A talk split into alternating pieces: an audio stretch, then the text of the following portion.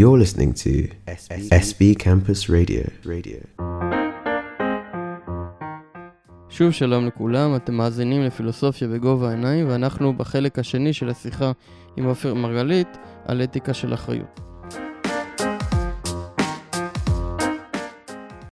בחלק הראשון של השיחה עסקנו ברקע על העיסוק בשאלת האתיקה של אחריות כתגובה למשבר העמוק שחל על התרבות המערבית במאה ה-20 ובא לידי ביטוי קיצוני באירועים כמו השואה ומלחמת העולם השנייה שהמחישו את הצורך לנסח מחדש את שאלת האחריות שלי כלפי האחר. בחלק הזה נמשיך את השיחה ונצלול לעיסוק בגישות השונות לסוגיה הזו והמניעים לעסוק בה, מתוך ניסיון להבין האם אכן יצר לב האדם רע מנעוריו ואין שום דבר לעשות בנידון, או שאולי בכל זאת ישנה דרך אחרת. אז אתה בעצם כן, לדעתי, מציע דרך או אפשרות לעשות את הדבר הזה, ובואו נחזור, כן, לנושא של אה, אתיקה של אחריות, או לשאלה הזאת, כי בעצם לא דיברנו על הנושא הזה בצורה מסודרת עד עכשיו, אז יאללה.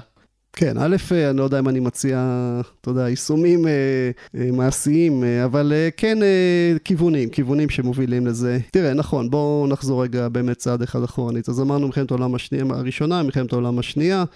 ותחושה של משבר גדול ו- ואובדן עצות uh, uh, של uh, מה עושים. צריך לזכור שאחרי המלחמות האלה זה לא שהכל נהיה בסדר, התחילה המלחמה הקרה והייתה תחושה בקרב הקהילה הפילוסופית, אבל בקרב גם סוציולוגים, אנתרופולוגים ובכלל דיסציפלינות במדעי הרוח, שאנחנו לא הצלחנו ממש לתת פה מענה לאיזושהי בעיה יסודית בטבע האדם, שזה מה שמוביל אותו לאלימות, למעשה עוול, ניצול, ולמעשה זה, זה נמשך, אה, תחרות על משאבים, תחרות בין מדינות, אנחנו רואים את זה יפה מאוד גם בימינו, כש...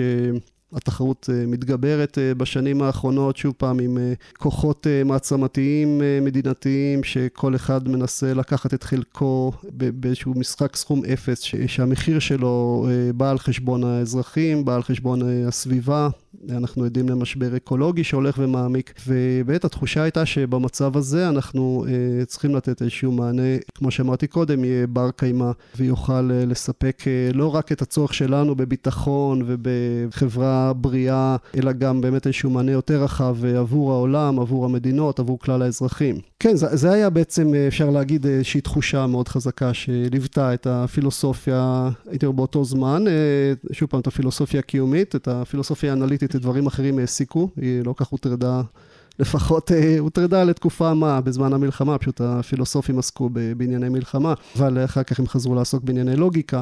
אבל הפילוסופיה הקיומית כן התחבטה בשאלות האלה, ותוסיף לזה באמת גם את הממד הטכנולוגי שהצטרף במאה ה-20 למה שנקרא לניהיליזם התרבותי. ובעצם באיפה שיש ואקום, אה, אתה יודע, תמיד ייכנס משהו, וברגע שבני אדם מבולבלים ולא יודעים לאיזה כיוון אה, לפנות ואיזה רעיון לאמץ, אז מי שנכנס פנימה זה למשל אינטרסים כלכליים, אה, כלכלה שמבוססת על התרבות הקפיטליסטית של ארצות המערב, מוצרים טכנולוגיים כמו שאנחנו רואים היום, וההשלכות של כל זה באמת זה כור ופירוד שהולך וגדל בין האדם לבין העולם, בין האדם לבין רעיו, בני האדם האחרים, פירוק מסגרות. מסגרות מסורתיות, זה לא חדש לאחרי המאה ה-20, אבל זה תהליכים שהולכים ומתעצמים, ובתוך המסגרת התרבותית הזאת אנחנו מנסים לחשוב על אה, פתרונות מסוימים ואיך אפשר אה, כן אה, לייצר חיבורים מחדש וזיקה מחודשת בין אדם לאדם, בין אדם לעצמו, בין אדם לעולם. אז זה אפשר להגיד, זה אולי מה שככה מאחד את האתיקה של האחריות במובנים הקיומיים שלה. אוקיי. Okay. דיברת קודם על uh, מעשים של ניצול, גזל, מלחמות, כל הרשימה הארוכה הזאת. זה כמובן לא דברים חדשים. זה לא שבני אדם פתאום בשלב שלב בהיסטוריה הפכו להיות אלימים. עכשיו, זה כמובן מעלה את השאלה, אוקיי, אז מה נשתנה? ב', אולי בכל זאת צדק בעל הבעל זבוב, כשאמר, אגב, הוא לא הראשון שחשב על זה, ספר בראשית הראשון שחשב על זה, אבל שאולי בעצם באמת יצר לב האדם רע מנעוריו, וזהו. כלומר, וכל מי שחושב אחרת או מניח אחרת, אה, הוא משהו שהוא בין אה, פנטזיונר לשקרן. כלומר, אם בסופו של דבר, מה שמניע את האנשים זה לא השאיפה אל הטוב, מה שניסו לטעון כמה פילוסופים אופטימיים, אלא דברים אחרים. You name it. אה, ניטשה דיבר על הרצון לעוצמה. בניגוד למשל למה שחשבו פילוסופים אחרים שבני אדם שואפים לאושר, הוא אמר, בני אדם לא באמת רוצים להיות מאושרים, רק בריטים רוצים להיות מאושרים. סליחה לכל הבריטים מאזינים אולי לתוכנית הזאת, אבל באמת הוא דיבר על משהו אחר שמניע אנשים, הוא דיבר על זה שמה שמניע אותם זה רצון לעוצמה, ורצון לעוצמה יכול להביא אנשים בקלות למקום של uh, התעלמות מהסבל שלהם מתוך תחושת uh, כוח. אתה יודע מה יפה, לפחות בתחום הזה, עמרי, אני אגיד לך משהו שאני לפחות מאוד מחבב אותו, שזה בסדר, אם אתה ניטשיאני, זה בסדר, אם אתה הרב קוקי, זה בסדר. אם אתה מכל מיני זרמים, כי התחום הזה של אתיקה של החיות, הוא גם שואל שאלות באמת אונתולוגיות, מטאפיזיות, על מבנה העולם. חלק מההוגים גם יאמצו את התפיסות הניטשיאניות שציינת קודם, שבאמת העולם הוא מאבק, מאבק, שאיפה של כל פרט ופרט להתגבר או להתעלות על, על רעיו. ושזה טבע המציאות ושזה טוב, וצריך לעודד את זה אפילו, כי אם נסטה מזה, אז, אז פה תתחיל הטעות. אבל אה, גם מי שמאמץ את התפיסות האלה, לוקח בחשבון דבר אחד מאוד פשוט, שהיום כללי המשחק מאוד השתנו. אז דיברנו קודם על פצצת האטום, תרבות המונים, על אה, מניפולציות גנטיות, אם אתה רוצה, אם נלך טיפה יותר לעתיד. אה, היום הטכנולוגיה נותנת לנו כלים פרומט, פרומטאים. של שליטה ממש בטבע ויכולת להרוס את הטבע. זאת אומרת, במובן הזה של אל תהיה חכם, תהיה צודק, זה משהו שאפשר להגיד איזשהו מוטו שמנחה הרבה מההוגים שקשורים לסוגה הזאת של האתיקה של האחריות, שיכול להיות, יכול להיות שניטשה צודק, יכול להיות שהאונתולוגיה האבולוציונית שלו היא באמת נכונה, יכול להיות שהאונתולוגיה אה, אה, הדתית של הרב קוק, או של סולובייצ'יק, או האונתולוגיה דוניסטית. יכול להיות שכל הדברים האלה צודקים, אבל יש לנו מציאות שצריך לטפל בה. ובתוך זה אנחנו uh, צריכים להפעיל איזשהו סט של כלים שעד היום uh, נחשב כלא מקובלים בפילוסופיה. כמו למשל uh, מימד ההשערה. זאת אומרת, גם אצל קאנט כבר מצויה השערה, אבל פה זו השערה שהיא קאנט היה נחרד בין, זאת השערה של למשל מעלה הנס יונס, אחד ההוגים שאני עובד עליהם בדוקטורט, שהוא אומר, בואו נסיק על סמך כל הנתונים שלפנינו, שהעולם שלנו הולך לכיוון מבחינה אקולוגית של אה, הרס, האדם הולך להרוס את כדור הארץ, לפחות את המרקם הביולוגי של אה, כדור הארץ, אנחנו, יש לנו אה, הרבה הוכחות לעניין הזה.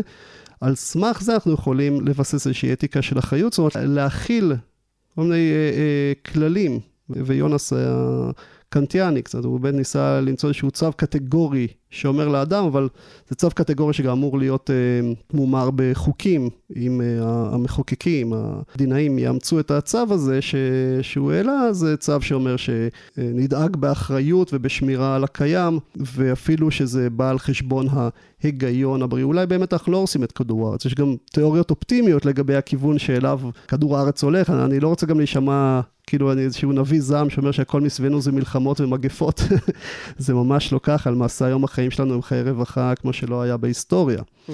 אבל יש הרבה סימנים שמצביעים על זה שהעידן הזה אה, הולך לכיוונים, אה, בוא נגיד שעידנים קודמים הלכו אליו, של איזשהו, אה, לא אגיד קטסטרופה, כי זה יישמע קטסטרופלי, אבל אה, כן, לכ- לכיוונים לא, לא בריאים, בוא נגיד, שהעתיד של הילדים שלנו יהיה פחות... אה, מוצלח מהחיים שלנו פה, ויש לזה הרבה סימנים שאני לא חושב שזה המקום uh, למנות אותם. אגב, גם מי שטוען שהחיים שלנו השתנו באופן משמעותי, ומראה גם את הפרמטרים והנתונים שמביאים לכך, לא מתעלם מהעובדה שיש כמה אתגרים משמעותיים שחייבים לעסוק בהם, כי אחרת ההשלכה שלהם יכולה להיות קטסטרופלית, ושאנחנו מאוד לא רחוקים משם. לצורך העניין, יובל נוח הררי מדבר על זה הרבה. יש מישהו בשם סטיבן פינקר, שמדבר על הנושא של העושר כיום, הוא הוציא ספר מעניין שנקרא Enlightenment Now, אפשר למצוא גם כמה אה, הרצאות קצרות שלו ביוטיוב, והוא מדבר על העניין הזה שבאמת הנאורות במובן הזה צדקה. בסופו של דבר, בהנחה שאפשר, כן, לתשרטט איזשהו חזון אופטימי למין האנושי, והוא מראה את זה בהרבה מאוד אה, מובנים והרבה מאוד נתונים והרבה מאוד פרמטרים, אבל יש כמה דברים שאנחנו חייבים עדיין לתת להם מענה, כי עוד לא מצאנו להם תשובה, עוד לא מצאנו דרך לשלב אותם בתוך תוכנית החיים שלנו והשאיפה הטבעית שלנו, נקרא לזה לאושר, כן? או לרווחה. ואחד מהם כמובן, לצורך העניין זה הנושא האקולוגי והשאלות של ההתחייבות הגלובלית וכולי. באמת הרבה פעמים מרגיש לי שזה הולך לאיזה כיוון די מטופש של עדיין לריב על השאלה אם יש התחממות גלובלית או לא.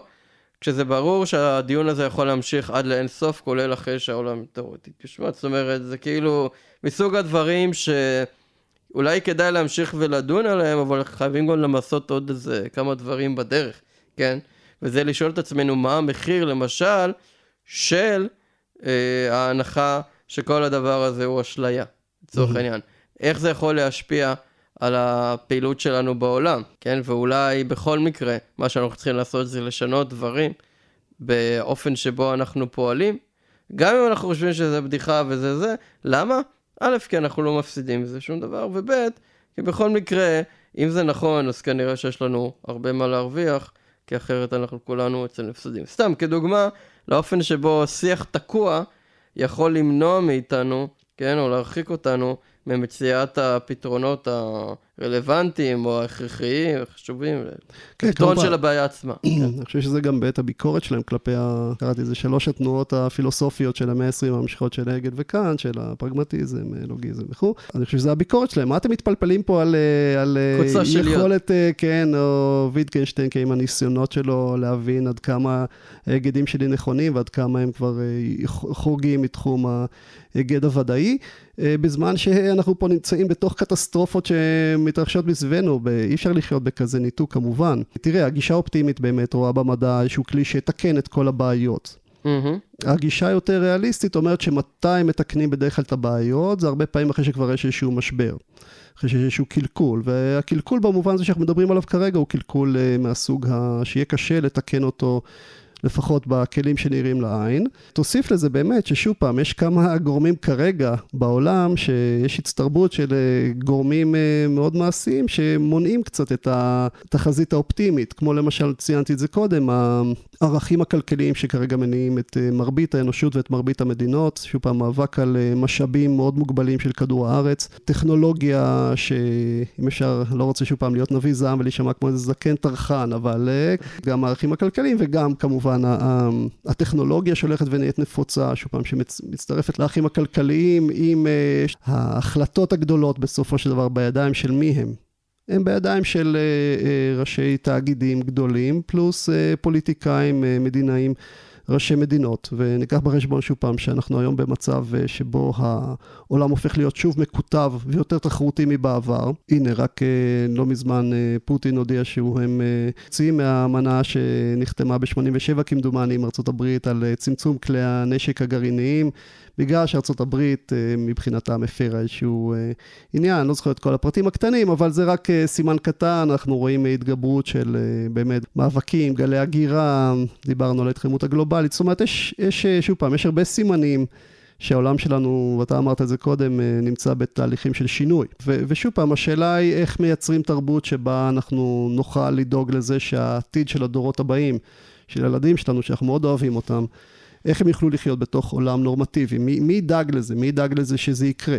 כרגע, שוב פעם, הכוחות החזקים ב- בעולם, זה, הם לא, לא, אפשר להגיד שמה שמניע אותם דווקא זה ערכים של אחריות אה, גלובלית אוניברסלית. אה, נהפוך הוא, דווקא יש פרטיקולריזם מאוד, שהולך ומתגבר עכשיו. כן, זה על קצה המזלג.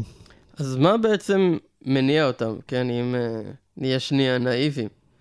אם לא היינו נאיבים עד עכשיו. אז מה הם לא רואים? למה הם לא חושבים על הרעיון המוזר הזה שלמעשים שלהם יש השלכות הרסניות על העולם בכלל, ובעצם בסופו של דבר הם מביאים במו ידיהם, או עשויים להביא במו ידיהם, חורבן וכיליון על העולם שבו הם חיים ושאין להם אלטרנטיבה אחרת אליו. מה מניע אותם, שמביא אותם למסקנות אחרות, למחשבות אחרות, להחלטות אחרות? מה זה אינטרסים, זה כוח, זה... מה, מה קורה שם? כאילו, מה, מה יושב שם לדעתך? אתה, ש- אתה שאלת קודם במה נבדל העידן הזה מהעידנים הקודמים. אתה צודק, לא בהרבה. טבע האדם לא השתנה בהרבה, בטח לא מאז המהפכה החקלאית. אמ, נכון, נכון, בהרבה מובנים, הרבה מהמובילים, המנהיגים אה, שמובילים אה, ומעצבים את פני העתיד, אה, אה, עדיין מונעים מתוך אה, מניעים אה, אינטרסנטיים, אה, אם זה של המדינה שלהם, מתוך אה, כל מיני תפיסות לאומיות, אה, לאומניות. אה, אם זה מתוך מניעים כלכליים, אה, אם זה מתוך תחושה של אה, חשש מסוים, שמא אה, מדינה אחרת אה, תרצה להתגבר עליהם. אנחנו רואים את זה באופן אנלוגי, רואים את זה תמיד בעולם, אה, במגזר הפרטי, בכלכלה. אה, תחרות, פשוט יש, אה, אפשר להגיד באופן כללי, זה... זה מנטליות של תחרות. תחרות על משאבים מוגבלים, מתוך איזשהו חוק, חוק ג'ונגל כזה, שבו אתה צריך לתפוס כמה שיותר, כי אם לא תתפוס, מישהו אחר ייקח לך. וזאת המנטליות שנמצאת ברקע של כל המדינות, ומה שמדהים הוא שאכן זה גם מה שקורה, זה לא שהמנהיג חושב ככה וזה לא ככה, זאת אומרת, זה כללי המשחק כרגע, זה כללי המשחק, אין, אין שום שפה משותפת של דיאלוג. היו ניסיונות, היו הסכמים, אה, ראינו אחרי באמת אה, שטעם המלחמה הקרה, יש ניסיונות, אבל הנה שוב פעם, אה, טבע האדם מתגבר והחמדנות אפשר להגיד, וה... והרצון לקחת לעצמי, וכמובן לא לצמצם, אם אנחנו מדברים נגיד על צריכת יתר במדינות מסוימות, כמובן שאין מה לדבר על זה שאני לא, זה, אני לא, לא אפגע במדינה שלי. או אני לא אפגע בחברה שלי אם זה משהו כלכלי. אז כמובן שהמנטליות התחרותית הזאת היא, היא עומדת ברקע הדברים. עכשיו, אפשר להגיד, הקאץ' פה שזה, שזה כללי המשחק. אם אתה נכנס לפוליטיקה היום, אני חושב שכבר המבנה הכלכלי באמת, והמבנה התרבותי והחברתי כבר כל כך מכוון לדבר הזה של התחרות, אנחנו כבר, אז, אז אפשר לראות למה מאוד קשה לעשות שינויים. לא שאי אפשר, ולא שאין ניסיונות, ולא שקורים דברים מאוד גדולים בימינו, שאפשר לציין אותם, אבל אה, אה, זה ספינה, בוא נגיד, אפשר לדמות את זה לספינה מאוד כבדה, שלוקח לה הרבה זמן לעשות סיבוב, אה, בגלל כל מיני כוחות שלא לא רוצים שהסיבוב הזה יקרה, הם רוצים להמשיך בכיוון הקיים. זה היה החלק השני של השיחה על אתיקה של אחריות, וניסינו להבין מה בעצם הגישות השונות ביחס לשאלה הזו. והאם הן מציעות לנו דרך ממשית להתמודד עם השאלה המוסרית הקשה והמורכבת ביותר. האם אכן יצר לב האדם רע מנעוריו, או שיש דרכים לתקנו? אתם מוזמנים להמשיך איתנו גם לחלק השלישי, שבו אציג לנו עופר את התפיסה, הרואה באמונה וברעיונות המסורתיים של הדת, את הבסיס לאתיקה מתוקנת ומעמיקה, שיכולה גם לתת מענה טוב יותר לאותם אתגרים ובעיות שעסקנו בהם בשני החלקים הראשונים.